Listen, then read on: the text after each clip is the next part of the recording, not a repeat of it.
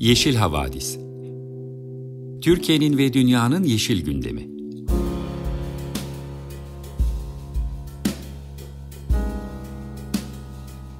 Hazırlayan ve sunanlar Demet Yaman Er, Savaş Çömlek, Dilan Altın Makas, Sare Abit ve Tansu Yeşilkır.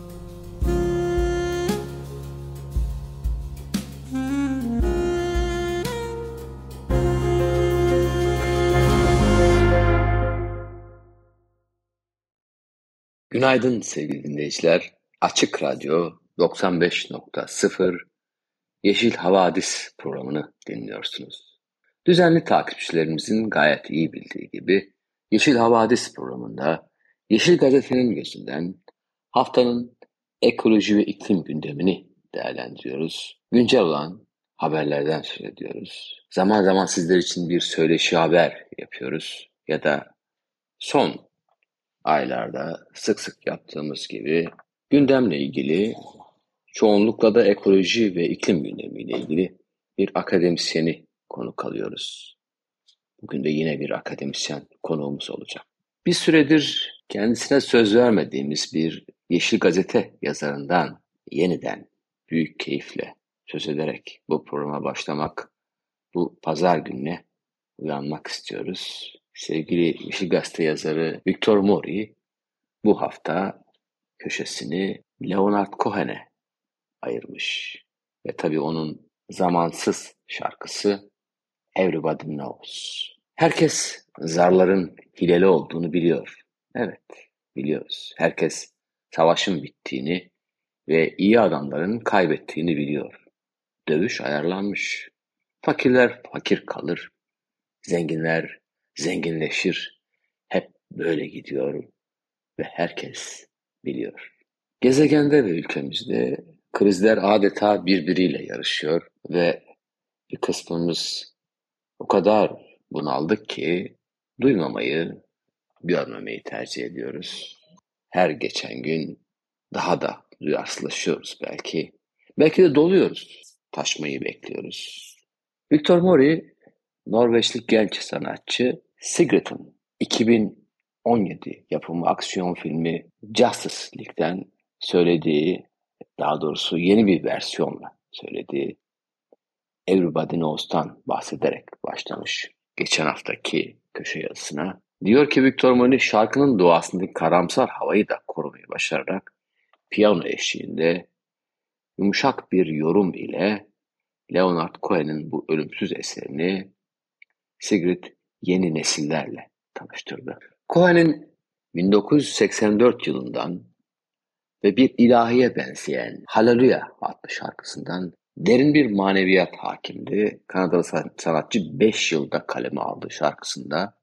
insanlığın durumu, aşk, üzüntü, pişmanlık ve umut hakkında ustaca sözlerini zarif bir müzikle birleştirerek zamanın ötesine geçen ölümsüz bir eser ortaya koymuştu. 1980'lerin ortalarında derin bir depresyona giren Cohen bir manastıra kapatıp emekli olmayı düşünüyordu. O dönemdeki tutarsızlığını şu sözler anlatmıştı. Şöyle bir duyguya kapıldım. Bu bir felaketin serpintisi, kalıntısı, tozu ve tutunacak hiçbir şey yok. Hallelujah'da parlayan maneviyat 1988'deki albümü I Am Your Man'de yerini işte bu kadercilik ve alaycılık duygusuna bırakmıştı. Dünyanın sonu hakkında kasvetli bir kehanette bulunuyordu Leonard Cohen. Dünyada her zamankinden daha fazla eşitsizlik olduğunu, giderek bölündüğünü düşünüyordu ve bunun dost doğru söylemenin zamanı gelmişti. Everybody Knows 80'lerin politik ve sosyal ortamına Leonard Cohen'in protest bir cevabıydı. Cohen iğneleyici ve alaycı bir bilge kimliğiyle dünyamızın karşı karşıya bulunduğu tehditler ve insanların zaafları konusunda gerçekleri ortaya koyuyor ve bu gerçeklerin tutarlı düşünebilen herkes tarafından görülebilecek kadar açık olduğunu dile getiriyordu. Eleştirmenler tarafından acı verecek kadar karamsar ancak bir o kadar da komik ya da dünyanın sonu hakkında kasvetli bir kehanet olarak tanımladığı bu şarkı Cohen'i kadim bir kahin olarak tanımlamaya yöneltiyordu dinleyicilerini. İspanyol gitarından gelen Endülüs ezgileri ve tonlamaları şarkıda ki derin kasveti bir miktar yumuşatıyor tabi ama Cohen uzun süre vokalistiğini yapan Sharon Robinson'la birlikte yazmıştı bu şarkıyı. Benzetmeler ve simgelerle vakit kaybetmeden henüz ilk mısrasından mesajını vermişti. Herkes zarların hileli olduğunu biliyor. Şarkıda bir yandan yöneten sınava eleştiri getirirken bir yanda da insanların aşk gözlüğüne vurgu yapılıyordu. Herkes geminin su aldığını ve kaptanın yalan söylediğini biliyor. Herkes ceplerini konuşuyor ve herkes bir kutu çikolata ve uzun bir gül istiyor. Hepimiz kaptanın yalan söylediğini biliyoruz. Şarkının bir dizesinde ise sanatçı yaklaşmakta olan vebadan, o dönemin AIDS krizinden bahsediyor. Herkes biliyor salgının yaklaştığını. Herkes biliyor hızlı hareket ettiğini. Herkes biliyor çıplak adamın ve kadının sadece geçmişin parlayan birer kalıntıları olduğunu. Elbette bir Cohen şarkısında aşktan söz edilmemesi düşünülemezdi ancak bu hikaye de şarkının karamsar modundan nasibini alıyor. Şarkıcı iki sevgili arasındaki sadakatsizlikten bahsederken konuyu kişisel bir boyutu taşıyor. Herkes biliyor beni sevdiğini bebeğim. Herkes biliyor sadık olduğunu. Bir iki akşam eksik fazla. Herkes biliyor ihtiyatlı olduğunu. Ama tanışman gereken o kadar insan vardı ki giysilerin olmadan ve herkes biliyor. Cohen süre gelen ırksal eşitsizliğe değiniyor. Herkes biliyor anlaşmanın çürük olduğunu. Yaşlı, siyah, Joe hala pamuk topluyor. Senin kurdelelerin ve fiyonkların için. Leonard Cohen 80'lerin politik ve sosyal dünyasında liderleri tarafından hayal kırıklığına uğratılmış, aldatılmış hisseden bir neslin ruhani yansıtmıştı. Sanatçının koyduğu sarkastik eleştirel bakış, faşist ve yozlaşmış yönetimlerin hala hüküm sürdüğü, ırksal ve finansal eşitsizliklerin artarak devam ettiği günümüz dünyasında da geçerliğini koruyor. Sevgili Victor Vori böyle yorumlamış. Ünlü Türk DJ Mahmut Orhan'ın parçayı yeni jenerasyonla tanıştıran Norveçli şarkıcı Sigrid'in yorumunu yaptığı remix bugünlerde hızla listelerin üst sıralarına tırmanıyor ve Everybody Knows zamansız bir eser olarak yolculuğa devam ediyor. Sigrid'in yaptığı yorumuyla bu parçayı sizlerle paylaşacağız. Sevgili dinleyiciler şarkıya geçmeden önce bu haftaki ekoloji ve iklim bültenini sevgili arkadaşımız Sare Abit'in hazırladığını sizlerle paylaşmak istiyorum. Ardından da söyleşi köşemiz olacak. Söyleşi köşesinde ise yargıda gittikçe büyüyen, dallanıp budaklanan bir krizi konuşacağız. Anayasa hukukçusu Serkan Köybaşı konuğumuz olacak. Şimdi Mahmut Orhan'ın remixiyle Everybody Knows diyeceksiniz. Bakalım klasik Leonard Cohen hayranları nasıl tepki gösterecek bu yeni versiyona? Merhabalar herkese, ben Sare. Bu haftaki iklim ve ekoloji haberlerini ben sunuyorum. İlk haberimiz Muğla'dan.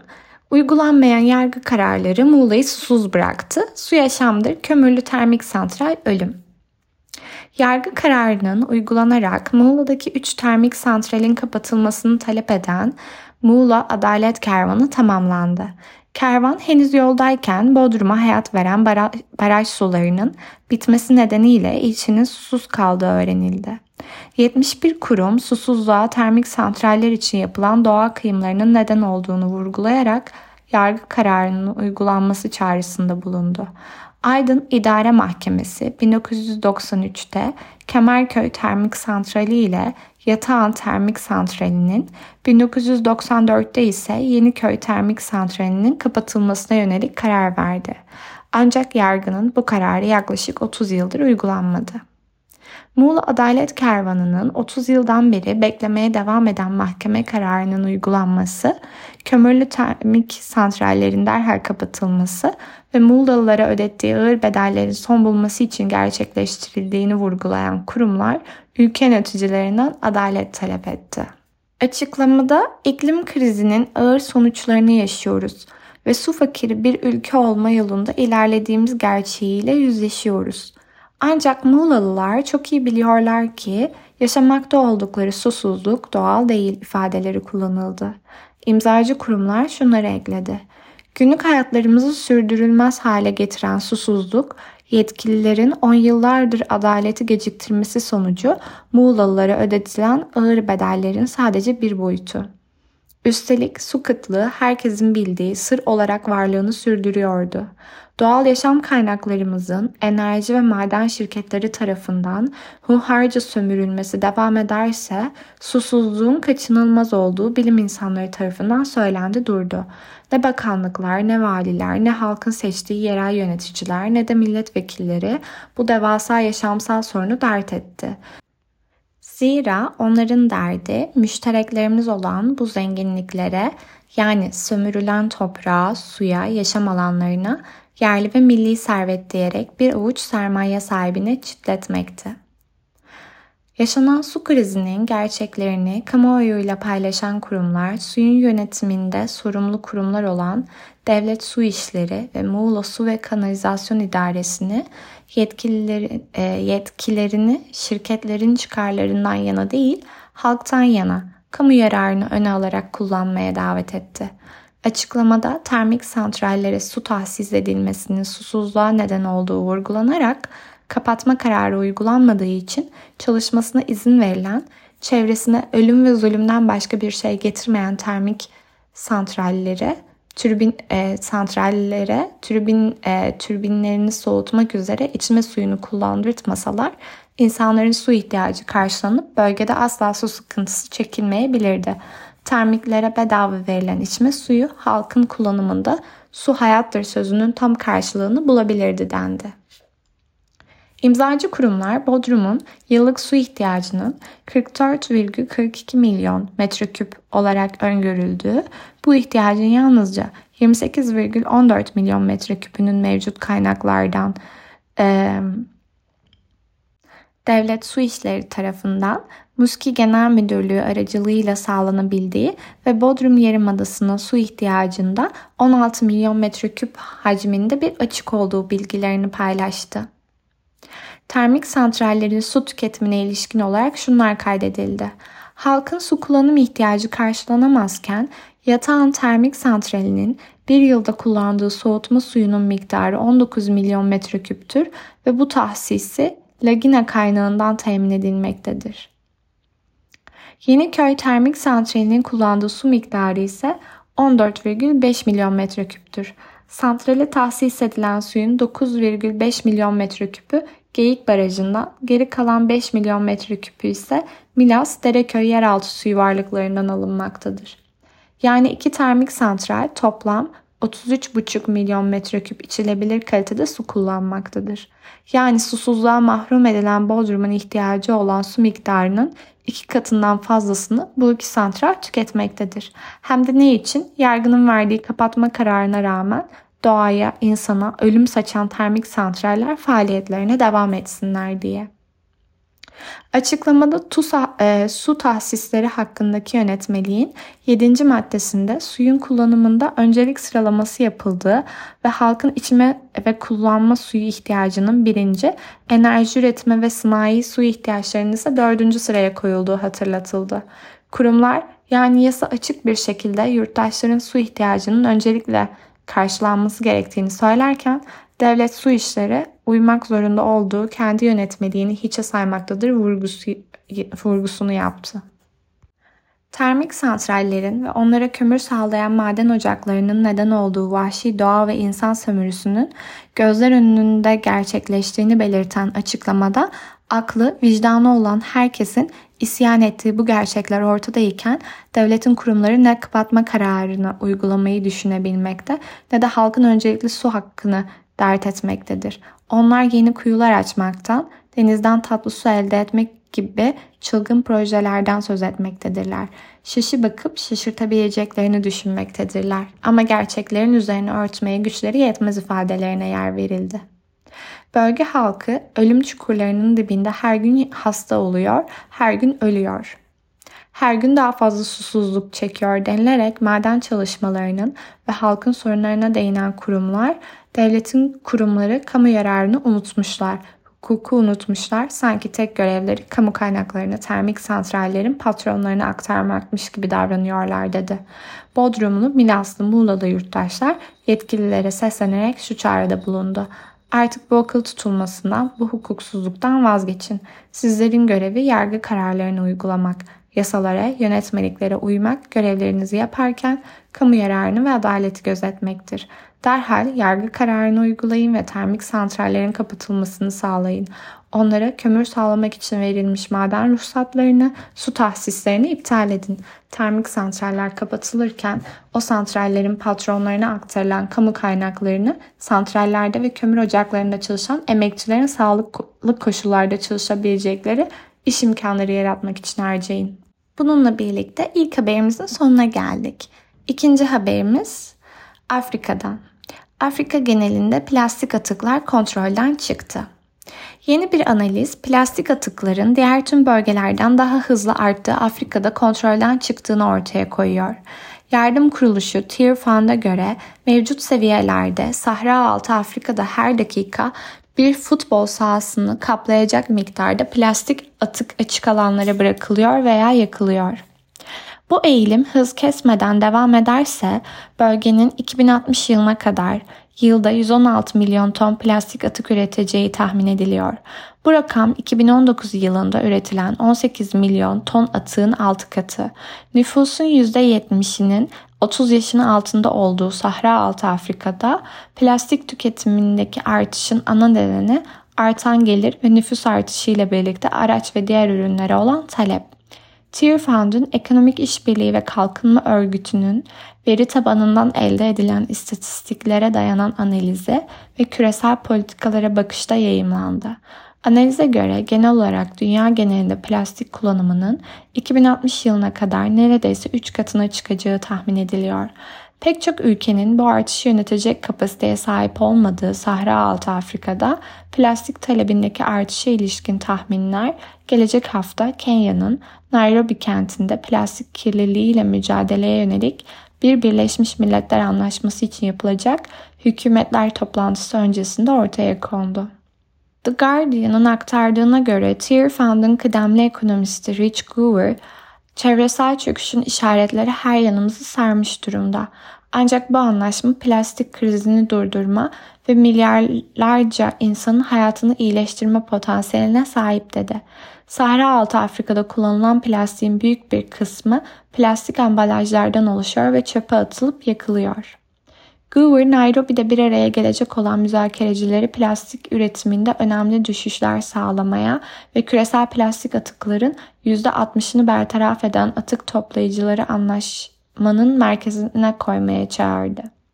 Küresel olarak uygulanan kural ve düzenlemelerin olmaması nedeniyle gelişmekte olan ülkelerde yaşayan insanlar ve atıkları bertaraf eden atık toplayıcıları plastik kirliliğinin çevre ve sağlık üzerindeki etkilerinin yükünü orantısız bir şekilde yaşıyor.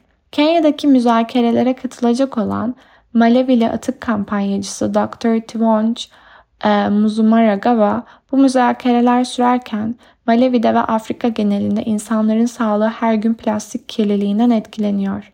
Malevi'de her gün plastik atıkların yakıldığını ve çöpe atıldığını görüyoruz.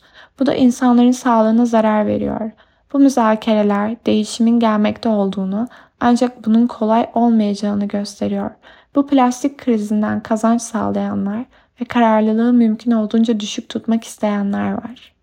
80 psikopos ve kilise lideri tarafından imzalanarak Afrika grubu temsilcilerine ve Nairobi'deki müzakerelere katılan diğer kişilere hitaben yazılan bir açık mektupta bölgenin kontrolden çıkan plastik atık dağlarıyla karşı karşıya olduğu belirtildi.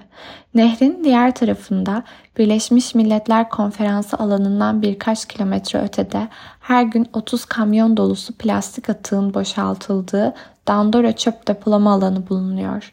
Sivrisinekler, sinekler ve haşerat için bir üreme bölgesi olan bu alan sıtma, kolera, sel ve diğer hastalıkların riskini artırıyor.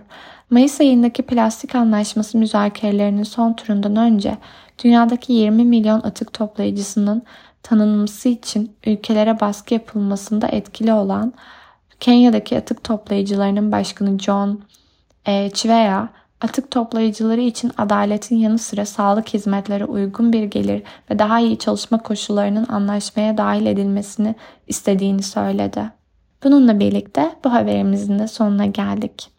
Üçüncü haberimiz insanlar dünyanın bir büyük döngüsünü daha bozuyor ve kimse bundan bahsetmiyor.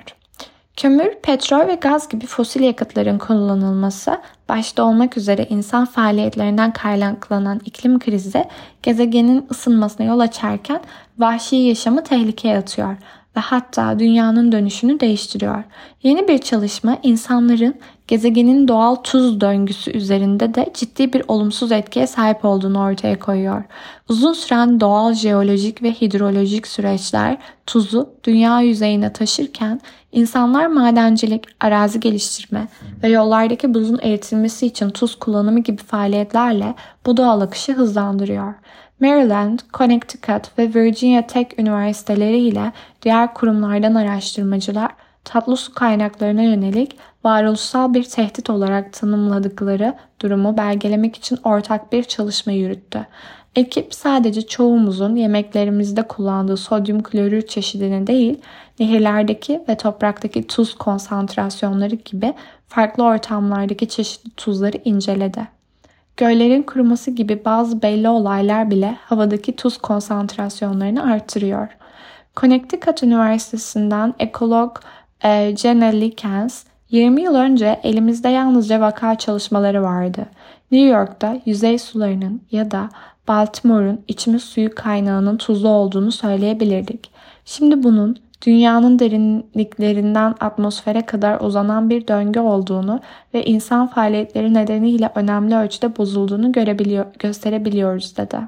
Nature Reviews Earth and Environment dergisinde yayımlanan çalışma, dünya çapında yaklaşık 2,5 milyar dönüm arazinin insan kaynaklı tuzlanmadan etkilendiğini ve yolların buzunu çözmek için kullanılan tuzun da havaya karıştığını ortaya koyuyor. Tatlı su varlıklarının giderek tuzlanması en büyük endişelerden biri. Bu eğilim devam ederse diğer canlılara ve yaşam alanlarına verilen zararlar bir yana dünya nüfusu için yeterli su bulmakta gerçek bir zorluk haline gelebilir. Tuz seviyeleri dağların tepelerinde ne kadar kar, e, kar oluşacağından insanların solunum yolu hastalıklarına yakalanma olasılığına kadar yaşamın tahmin edilemeyecek kadar fazla yönü üzerinde etkili. Araştırmacılar insanların tuz döngüsü üzerindeki etkisinin değerlendirilmesi ve bu etkiyi azaltmak için daha fazla şey yapılması çağrısında bulunuyor. Her yıl ABD'de buzların eritilmesi için yollara serpilen yaklaşık 20 milyon ton bu tuz bu etkinin azaltılması için iyi bir başlangıç noktası olabilir. Ancak bu konuda daha fazla çalışma ve düzenleme yapılması şart. E, tuz ABD'de birincil içme suyu kirleticisi olarak kabul edilmediğinden bu çok karmaşık bir konu. Bu nedenle bu konuda bir düzenlemeye gidilmesi büyük bir girişim olacaktır. Ancak bunun çevrede zararlı seviyelere yükselen bir madde olduğunu düşünüyor muyum diye sorarsanız evet ifadelerini kullandı. Şimdi de dünyanın farklı bir yerinden Avustralya'dan haberimizle e, gündemimizi sonlandırıyoruz. Avustralya batmak üzere olan Tuvalu halkına iklim e, sığınağı sunacak. Tuvalu Başbakanı Kausea Natono ve Avustralya Başbakanı Anthony Albanese, Tuvalu'nun 11 bin sakininin iklim değişikliğiyle mücadele etmesine yardımcı olmak ve en kötü senaryonun gerçekleşmesi durumunda Tuvalu vatandaşlarının iltica etmesi için bir anlaşma imzaladı. Tuvalu yükselen deniz seviyeleri nedeniyle dünyanın en savunmasız ülkeleri arasında yer alıyor. Tuvalu'nun 9 mercan adasından ikisi zaten büyük ölçüde dalgalar altında yok oldu ve iklim bilimcileri takım adaların tamamının önümüzdeki 80 yıl içinde yaşanmaz hale gelmesinden korkuyor. Başbakan Latono, anlaşmanın tehlike altındaki ülkesi e, için bir umut ışığı ve bir destek teklifi olduğunu söyledi. Anlaşmaya göre Tuvalu vatandaşları Avustralya'da yaşayabilecek, e, eğitim alabilecek ve çalışabilecek ve vardıklarında Avustralya eğitim, sağlık ve temel gelir ve aile desteğine erişebilecek. Anlaşmanın çığır açıcı olduğunu söyleyen mülteci hukuk uzmanı New South Wales Üniversitesi Profesörü Jane McAdam şunları kaydetti. Çoğu insan evlerini terk etmek istemiyor. Topraklarına ve denizlerine atalarından kalma çok derin bağları var. Ancak bu anlaşma bir can kurtaran halatı sunuyor. Cook Adaları'ndaki Pasifik Adaları Forumu'nun oturum aralarında gazetecilere verdiği demeçte anlaşmayı çığır açıcı bulduğunu söyleyen Avustralya Başbakanı Albanese, Avustralya Tuvalu Birliği, Avustralya'nın Pasifik ailesinin bir parçası olduğumuzu kabul ettiği önemli bir gün olarak kabul edilecektir dedi. Beyin göçünü önlemek için Avustralya'ya taşınabilecek Tuvaluların sayısı başlangıçta yılda 280 kişiyle sınırlandırılacak. Yeni Zelanda daha önce Pasifik adası ülkelerine iklim vizesi sunma fikrini gündeme getirmişti ancak kitlesel ekonomik göçten korkan adaların muhalefeti nedeniyle bu fikir rafa kaldırılmıştı. Cuma günü açıklanan anlaşmaya göre Avustralya ülkenin küçülen kıyı şeridini desteklemek ve kaydedilen toprakları geri almak için 10 milyon dolar harcama sözü verdi. Ancak eylemin yeterince hızlı gerçekleşmediği ve iklim değişikliğinin etkisinin şimdiden hissedildiği de kabul ediliyor. Ortak açıklamada aynı zamanda iklim değişikliğinin etkileri kötüleştikçe Tuvalu halkının başka bir yerde yaşama, eğitim görme ve çalışma seçeneğini hak ettiğine inanıyoruz ifadesine yer verildi. Avustralya Başbakanı Albanese, Avustralya'nın Pasifik komşularına benzer anlaşmalar sunmaya açık olabileceğini söyledi. Ee, anlaşma aynı zamanda Avustralya'nın Tuvalu'yu doğal afetler, sağlıkla ilgili salgınlar ve askeri saldırı karşısında savunmasını da taahhüt ediyor ve Avustralya'ya Tuvalu'nun diğer ülkelerle imzaladığı savunma anlaşmalarında söz hakkı veriyor. Komşu Solomon Adaları'nın Pekin ile Çin kuvvetlerinin adalara konuşlandırılmasına izin verecek bir savunma anlaşması imzalaması Avustralya için şaşırtıcı olmuştu. Avustralya'nın ekonomik olarak kömür ve gaz ihracatına bağımlılığı, sert hava koşulları ve yükselen deniz seviyeleri nedeniyle büyük ekonomik ve sosyal maliyetlerle karşı karşıya kalan Pasifik'teki birçok komşusuyla uzun süredir bir sürtüşme noktası oluşturuyor.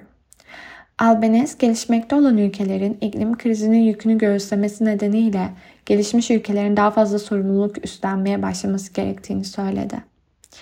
Anlaşmanın yürürlüğe girmesi için her ülkenin onaylaması gerekecek. Denizlerin yükselerek sahil şeridini sular altında bırakması ve deniz sularının tatlı su kaynaklarını kirletmesiyle Tuvalu 12 bin kişilik nüfusunun tamamını beklenmedik bir durumla karşılaşılması halinde taşıma planları yapıyordu. Tuvalu Dışişleri Bakanı Simon Kofe, COP26 iklim zirvesi için yaptığı konuşmada yakın bir zamana kadar kuru bir toprak olan okyanusta suyun dizlerine geldiği bir noktada durarak yükselen deniz seviyelerine dikkati çekmişti. Kofe konuşmasında batıyoruz diye uyarmıştı. Bu haberimizle birlikte bu haftaki iklim ve ekoloji gündemimizi sonlandırıyoruz. Bir sonraki hafta yeni haberlerde görüşmek üzere. Hoşçakalın. Sevgili dinleyiciler, Sare Abit'in sunduğu ekoloji ve iklim bülteninin ardından yine bir Tibet matrası dinleyeceğiz. Drokmogyal seslendiriyor Green Tara. Günaydın sevgili dinleyiciler. Bu pazar günkü Yeşil Havadis'in söyleşi köşesindesiniz. Bu hafta Bahçeşehir Üniversitesi Hukuk Fakültesinden anayasa hukuku alanında çalışan bir akademisyenle Serkan Köybaşı ile birlikteyiz. Kendisiyle yargıda gittikçe büyüyen, dallanıp budaklanan krizi konuşacağız. Biz tabii bir şeyler hissediyoruz. Sokaktaki insanlar bir şeyler anlıyoruz. Sanki yeni bir oyun başlıyormuş gibi geliyor. Ee, anlayamıyoruz niye bu kriz ortaya çıktı diye ama bir taraftan da siyaset içinde bir takım çatışmalardan söz ediliyor. Muhalefetin aldığı tepki belli siyasi olarak bunu bir darbe girişimi olarak yorumladılar. Biz bir akademisyenden e, şüpheci insanlarız çünkü. Konuyu öğrenmeye, anlamaya çalışıyoruz. Doğru tarafta durmak istiyoruz tabii bu anlamda. Belki konuyu e, çok ayrıntılı bilmeyenler için kısaca özetlemek lazım. Can Atalay'la ilgili bildiğiniz gibi Anayasa Mahkemesi bir hak ihlali kararı verdi. Hak, hak ihlali kararı uygulanmadı yürütme tarafından e, ve üstelik de bunu uygulaması gereken alt mahkemeler bunu uygulamadı anladığım kadarıyla. Daha sonra bir Yargıtay süreci başladı. Yargıtay'da hiç alışık olmadığımız, hiç bilmediğimiz bir şekilde e, Anayasa Mahkemesi daha yukarıda olduğu halde bildiğimiz kadarıyla hiyerarşik olarak, hukuksal olarak onun kararlarını reddettiğini ilan etti. Hatta Anayasa Mahkemesi üyeleri hakkında suç duyurusunda bulundu. Hükümetin bir kanadı destekledi bu olup biteni, bir kısmı desteklemedi. Son günlerde de Cumhurbaşkanı'nın tavrı biz hakemiz şeklinde oldu. Ama ondan habersiz herhangi bir iş yapıldığını düşünmek tabii ki mümkün değil. Evet sevgili Serkan ben kısaca bir özetlemeye çalıştım. Yanlışlarım varsa düzelt ve bu sürece bir yerden başlayalım. Bu kriz niye ortaya çıktı? Bu kriz gerçek bir kriz mi? Bize bize her şey hileliymiş gibi geliyor. Ne dersin?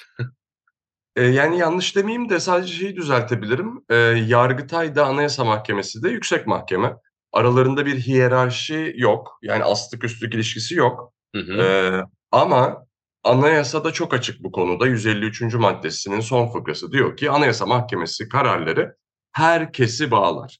Orada da açıkça söylüyor yasama, yürütme, yargı, idari organlar ve gerçek ve tüzel kişileri bağlar diyor. Yani hiçbir istisnası yok. Anayasa Mahkemesi'nin kararları seni beni bağladığı gibi Cumhurbaşkanı'nı da bağlıyor, Yargıtay'ı da bağlıyor, Danıştay'ı da bağlıyor, daha alt derece mahkemeleri de bağlıyor, herkesi bağlıyor. Hatta öyle ki Anayasa Mahkemesi'nin kararları aslında anayasa seviyesinde. Kanunların da üzerinde bir seviyede Anayasa Mahkemesi. Şimdi bunun doğru olup olmadığını tartışırsınız. Ee, tartışmak başka bir şey. Anayasanın bu maddesini uygulamıyorum demek başka bir şey. Anayasanın e, Anayasa Mahkemesi'nin kararlarının bağlayıcı ol, bu kadar bağlayıcı olmasını eleştirebilirsiniz. Anayasa Mahkemesi'nin kararını da eleştirebilirsiniz. Ama ben Anayasa Mahkemesi'nin kararlarını anayasanın açık maddesine rağmen uygulamıyorum demek bence de anayasal düzeni askıya almaktır. Yani bunun e, siyasi adı darbedir. Hükümet darbesidir. Yani burada tabii doğrudan hükümete yönelik bir şey yok ama e, anayasanın e, düzenine, o kurulmuş devlet düzenine aykırı bir karardan bahsediyoruz. O yüzden buradaki kriz Anayasa Mahkemesi'nin kararından çıkmıyor. Yargıtay'ın anayasanın açık hükmünü uygulamamasından çıkıyor. Ya bugün artık ikinci günde, krizin ikinci gününde gördüğümüz kadarıyla burada krizin bu, şu an içinde bulunduğumuz kaosun nedeninin Anayasa Mahkemesi olduğunu iddia ediyor. Ee, işte Yargıtay ve onun çevresinde odaklanmış işte Yeni Şafak gibi gazeteler. Halbuki buradaki krizin sebebi Yargıtay'ın anayasayı uygulamaması. Anayasa Mahkemesi'nin kararını, bağlayıcı olan kararını uygulamaması. Kriz bundan çıkıyor. Daha önce de direnme kararları vardı ama en sonunda pes edilmişti. İşte Enis Berberoğlu'nda olduğu gibi. Ee, yani çok direnilmemiş, bu kadar açık direnilmemişti, bu kadar açık anayasa ihlal edilmemişti. Ee, ama artık yeni bir aşamadayız. Burada hukukun bittiği bir yerdeyiz. Ee, kararın hukukla hiçbir alakası yok, Yargıtay'ın verdiği kararın. Ee, dediğim gibi Anayasa Mahkemesi'nin kararını beğenirseniz beğenmezsiniz. Bence Can Atalay'la ilgili gerçekten bir hak ihlali var. Çünkü Can Atalay'ın davasına baktığımız zaman e, buradan bir e, yargılamanın dahi çıkmayacağını çok açık söyleyebiliriz. Değil e, suç veya işte cezanın olmasını yargılamanın bile oluşmaması gerekiyordu. E, de, tamamen demokratik bir hakkın kullanılmasından bahsediyoruz Can Atalay davasında. Ama olay Can Atalay'ı geçti. Olay Yargıtay'ın artık anayasanın açık hükmünü uygulamamasına döndü. Dediğim gibi bunun sinyallerini alıyorduk ama yani bu aşamaya doğru yavaş yavaş gelindi, bir anda gelinmedi. Ama ummuyorduk, olmaz diyorduk.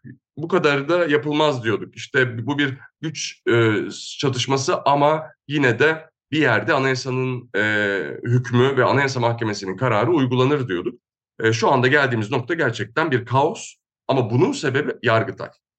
E, tabii bu Yargıtay'ın e, hangi Yargıtay olduğunu da görmek lazım. Bu Yargıtay 15 Temmuz 2016'dan sonra bütün üyeleri görevden alınan ve daha sonra e, işte 2010'dan sonraki Hakimler ve Savcılar Kurulu tarafından bütün üyeleri yeniden atanan ve bu aşamada da işte e, bildiğimiz kadarıyla, duyduğumuz kadarıyla e, tamamen yandaş diyebileceğimiz yargıçlardan oluşan bir Yargıtay. Bu artık bağımsız bir Yargıtay diyemeyiz. E, nitekim e, bunu İrfan Fidan'ın Anayasa Mahkemesi üyesi atanmasında da gördük. İrfan Fidan İstanbul Cumhuriyet Başsavcısıydı. E, Anayasa Mahkemesi'ne üye yapılsın diye Yargıtay'a atandı. Yargıtay'da bir hafta, sadece bir hafta görev yaptıktan sonra dedi ki ben Anayasa Mahkemesi'ne Yargıtay kontenjanından üyeyim ve o kadar Yargıtay üyesi, 110 tane Yargıtay üyesi daha henüz neredeyse göreve başlamamış İrfan Fidan için dedi ki ya biz onu tanırız. Yargıtay'da çok iyi işler yaptı. Bizim aramızdan o gitsin Anayasa Mahkemesi'ne. Yani 110 tane üye gözünü kapatarak diğer yıllarca beraber çalıştıkları e, arkadaşlarına değil bir haftadır Yargıtay'da görevli olan e, İrfan Fidan'a oy verdi. Bu Yargıtay'ın zaten böyle bir kaos yaratacağı, hukukun üstünlüğünü, anayasanın üstünlüğünü ortadan kaldıracağı sinyalleri çok önceden verilmeye başlanmış. Ama yine de ummuyorduk dediğim gibi. Ee, ama sadece şunu söylemek istiyorum, e, konuyu çok yakından takip etmeyenlere. Kim ne derse desin yani özellikle kaos Anayasa Mahkemesi'nden çıkıyor, Anayasa Mahkemesi yetkisini aşıyor. Bu kaos ortamında benim de anlayabildiğim kadarıyla ki bunu Macaristan'da gördük, Polonya'da gördük, Netanyahu İsrail'de yapmaya çalışıyor. Ee, Anayasa Mahkemesi'nin yetkilerini daraltmaya ve onu etkisizleştirmeye, sistemde e, ya ortadan kaldırmaya ki ortadan kaldırmak çok fazla olur ama e, etkisini sınırlandırmaya ve hatta minimalize etmeye çalıştıklarını anlıyoruz biz buradan. İşte bugün Yeni Şafak'ın e, manşetten fotoğraflarıyla Anayasa Mahkemesi'nin Can Atalay'da ihlal kararı veren e, yargıçlarını basması manşetten ve onların üzerine baskı kurmaya çalışması da bunu gösteriyor. Sanki kaosun sebebi onlarmış gibi. Burada bir işte e, karmaşa yaratıp buradan yeni bir anayasa sözü veya işte Anayasa Mahkemesi yetkisini aşan bir yere dönüştü, aktivizme kaydı. O yüzden yetkilerini sınırlayalım söyleminin baskın çıkacağını anlıyoruz. E, ama yani bizi dinleyenlere söyleyelim, bu bir şok doktrini, bu e, tehlikeli bir şey ve yanlış bir şey. E, Anayasa Mahkemesi'nin görevi iktidarı sınırlamaktır. İktidarın hak ve özgürlüklerini e, belgelemektir. Böyle olduğu zaman işte kişilerin e, taz, e, hak ve özgürlüklerinin iade edilmesidir, tazminat e, kararı verilmesidir. Gerekirse işte beraat ettirilmesi ya da işte e, haksız yere tutuklu tutuluyorlarsa salı verilmeleridir. Anayasa Mahkemesi'nin zaten görevi budur. Sistemden Anayasa Mahkemesi'ni çık çıkarttığınız zaman hiçbirimizin sadece Can Atalay'ın değil hiçbirimizin hak ve özgürlükleri güvenceli olamaz artık. O yüzden e, ben de burada bu kaosun Anayasa Mahkemesi'nin yetkilerinin sınırlanması amacıyla çıkartıldığını düşünüyorum. Ama buradan yeni bir anayasa çıkar mı? Bence çıkmaz. Çünkü yeni anayasa yazabilmeniz için ilk önce var olan anayasaya uyuyor olmanız lazım. Ama hiç anayasaya uymayan, mevcut anayasaya ki aslında hiç de e, iktidarı sınırlayan değil, oldukça da e, iktidarı güçlendiren bir anayasa aslında 82 Anayasası ki 19 defa değişti. Aslında 82 Anayasası da dememek lazım.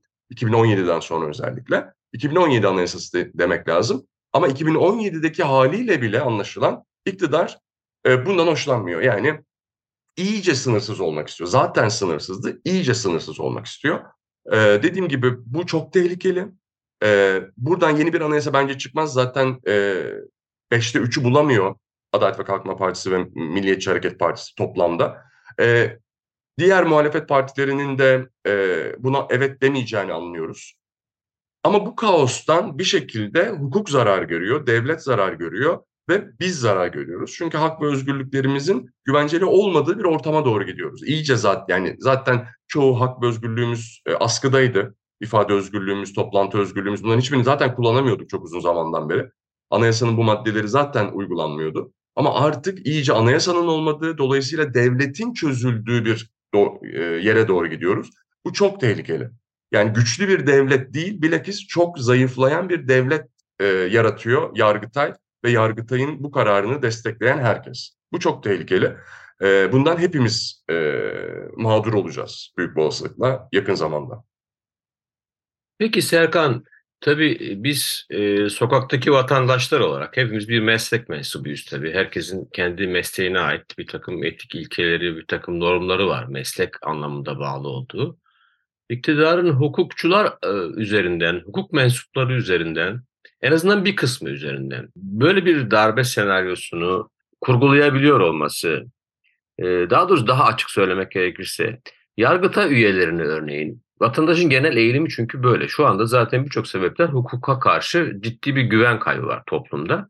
Ancak e, yüksek hukukla ilgili en azından Yargıtay üyeleriyle ilgili, Anayasa Mahkemesi üyeleriyle ilgili insanların görece biraz daha fazla, daha güvenilir bulurlardı en azından. Hani Yargıtay'dan döner bu karar derdik mesela ne bileyim eskiden Danıştay'dan döner bu karar diye düşünürdük ve kendimizi biraz iyi hissederdik. Ama anlaşıldığı kadarıyla bu da yokmuş. Bu meslek mensuplarını meslek etiğine bağlı e, yargıtay üyelerini, yüksek mahkeme üyelerini nasıl teslim oluyor alabilir popülist iktidarlar? Bunun bir güvencesi yok mudur? Yani ne yapmak lazım? Yani ne yaparak bu insanları teslim alıyorlar? Anlamaya çalışıyoruz. Senin bir fikrin var mı?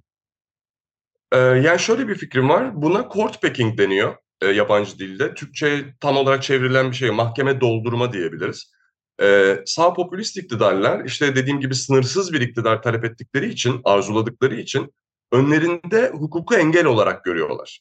Dünyanın her yerinde sadece Türkiye'de değil işte Avrupa'da da, Latin Amerika'da da hatta Amerika Birleşik Devletleri'nde bile e, işte Trump'ın zamanında e, hakimleri, yargıçları özellikle de yüksek mahkeme yargıçlarını liyakatlarına göre değil kendilerine siyasi olarak yakın olmaları üzerinden belirliyorlar. E şimdi hakimlerin bir şekilde belirlenmesi lazım. Bunu kim belirliyor? Genelde yasama organı veya yürütme organı belirliyor ya da ikisi birlikte belirleyebiliyorlar. Burada eğer siz e, hukukun üstünlüğüne inanmıyorsanız bir siyasetçi olarak yasama ve yürütmeyi seçimler yoluyla veya başka şekilde ele geçirdiğiniz zaman yüksek mahkeme üyelerini atama yetkisini de ele geçiriyorsunuz. Bu normal yani birisinin bu şekilde e, bu yargıçları ataması gerekiyor. Şimdi siz eğer hukukun üstünlüğüne, anayasanın üstünlüğüne inanmıyorsanız, hukuk devletine inanmıyorsanız, bilakis hukuku önünüzde bir engel olarak görüyorsanız, o zaman bu yargıçları da, yüksek mahkeme yargıçlarını da e, hukuki bilgilerine göre, niteliklerine göre, kalitelerine göre değil, size sorun çıkartmayacak yargıçlardan belirliyorsunuz. Yani işte baktığımız zaman Anayasa Mahkemesi'ne atanan son yargıçlar, özellikle üç yargıç, e, liyakatları nedeniyle anayasa hukuku alanında çok iyi oldukları için, hukuk alanında çok iyi oldukları için atanmadılar. E, Adalet ve Kalkınma Partisi'ne çok yakın oldukları için atandılar. Açtıkları davalar üzerinden atandılar. Yani Canan Kaftancıoğlu'na karşı açılan dava, İmamoğlu davası vesaire. Bu davalar onların CV'sini oluşturdu. Ve bu sayede Anayasa Mahkemesi'ne gittiler ve şu mesajı veriyorlar zaten. Ben bağımsız olarak e, çalışmayacağım. Ben bağımsız bir yargıç olmayacağım. Ben iktidarın suyuna giden bir yargıç olacağım. İktidarın istediği gibi kararlar alacağım. O sayede atanabiliyorlar. Dolayısıyla burada işte o yüzden 15 Temmuz'dan sonra elbette ki Yargıtay'da e, veya Danıştay'da FETÖ'cü yargıçlar vardı. Bunu biliyorduk zaten. Polis içerisinde yargı, e, FETÖ'cüler vardı. Biliyorduk zaten. Ama siz eğer FETÖ'cülerle birlikte solcuları ya da oraya e, niteliği sayesinde gelen e, iyi oraya layık yargıçları da atıp yeri görevden alıp yerine kendinize yakın sırf kendinize yakın olduğu için birilerini atıyorsanız zaten böyle bir kaosu yaratıyorsunuz demektir, hazırlıyorsunuz demektir. Bu kaos bir ara patlar. Şu anda da onun içindeyiz. Bu zaten geliyordu. E, ama yine de dediğim gibi ummuyorduk. Olmaz diyorduk. İşte e, mantıklı bir şekilde hareket edilir diyorduk. Çünkü dediğim gibi şu anda yapılan şey Can Atalay'a karşı bir hareket değil. Şu anda yapılan şey güçlü bir iktidar yaratan bir şey değil. Şu anda olan şey devlete zarar veriyor. Bizim bir arada yaşamamıza zarar veriyor. Anayasal sisteme zarar veriyor. Ee, yani belki e, ben bunu daha önce de e, sosyal medyada yazdım. Büyük olasılıkla bu yargıçlar, Yargıtay'da bu kararı alan yargıçlar ve onu e, bu kararı destekleyen kişiler çok milliyetçiler, çok e, işte e, güçlü Türkiye arzuluyorlar. E, ama tam tersini yapıyorlar şu anda. Şu anda Türkiye e, bir çadır devletine dönüşüyor. Türkiye bilakis çok zayıf bir devlete dönüşüyor. Belirsiz, düzenin olmadığı bir devlete dönüşüyor. Failed state denilen bir kavrama doğru gidiyoruz. Yani başarısız devlet, olmamış devlet, yürüyemeyen devlete doğru gidiyoruz. Bu çok tehlikeli. Hepimizin çok tehlikeli. Dünyada bunun çok örneği var. Venezuela'sından Orta e, Doğu'suna kadar çok ülke var bu şekilde. Suriye mesela bunlardan bir tanesi. Latin Amerika'nın çoğu ülkesi bu şekilde. E, bu, bu, bu dediğim gibi Türkiye için e, son derece kötü bir yol. Mutlaka dönülmesi lazım. Buradaki dönüş yolu da Yargıtay'ın e, anayasaya uymayı kabul etmesi ve e, hatta bu yargıçların diğer yargıçlara ibret olacak şekilde yargılanması. Çünkü bu bir kalkışma, bu bir anayasal düzeni e, askıya alma bu bir yasal darbe bence. Serkan çok teşekkür ediyoruz verdiğin bilgiler için. Oldukça netti bizim için. Sevgili dinleyiciler söyleşi köşemizin ardından size etnik bir parçayla veda edeceğiz. Tibet folk şarkılarından kavurlayan Durup mu Gıyali dinleyeceğiz.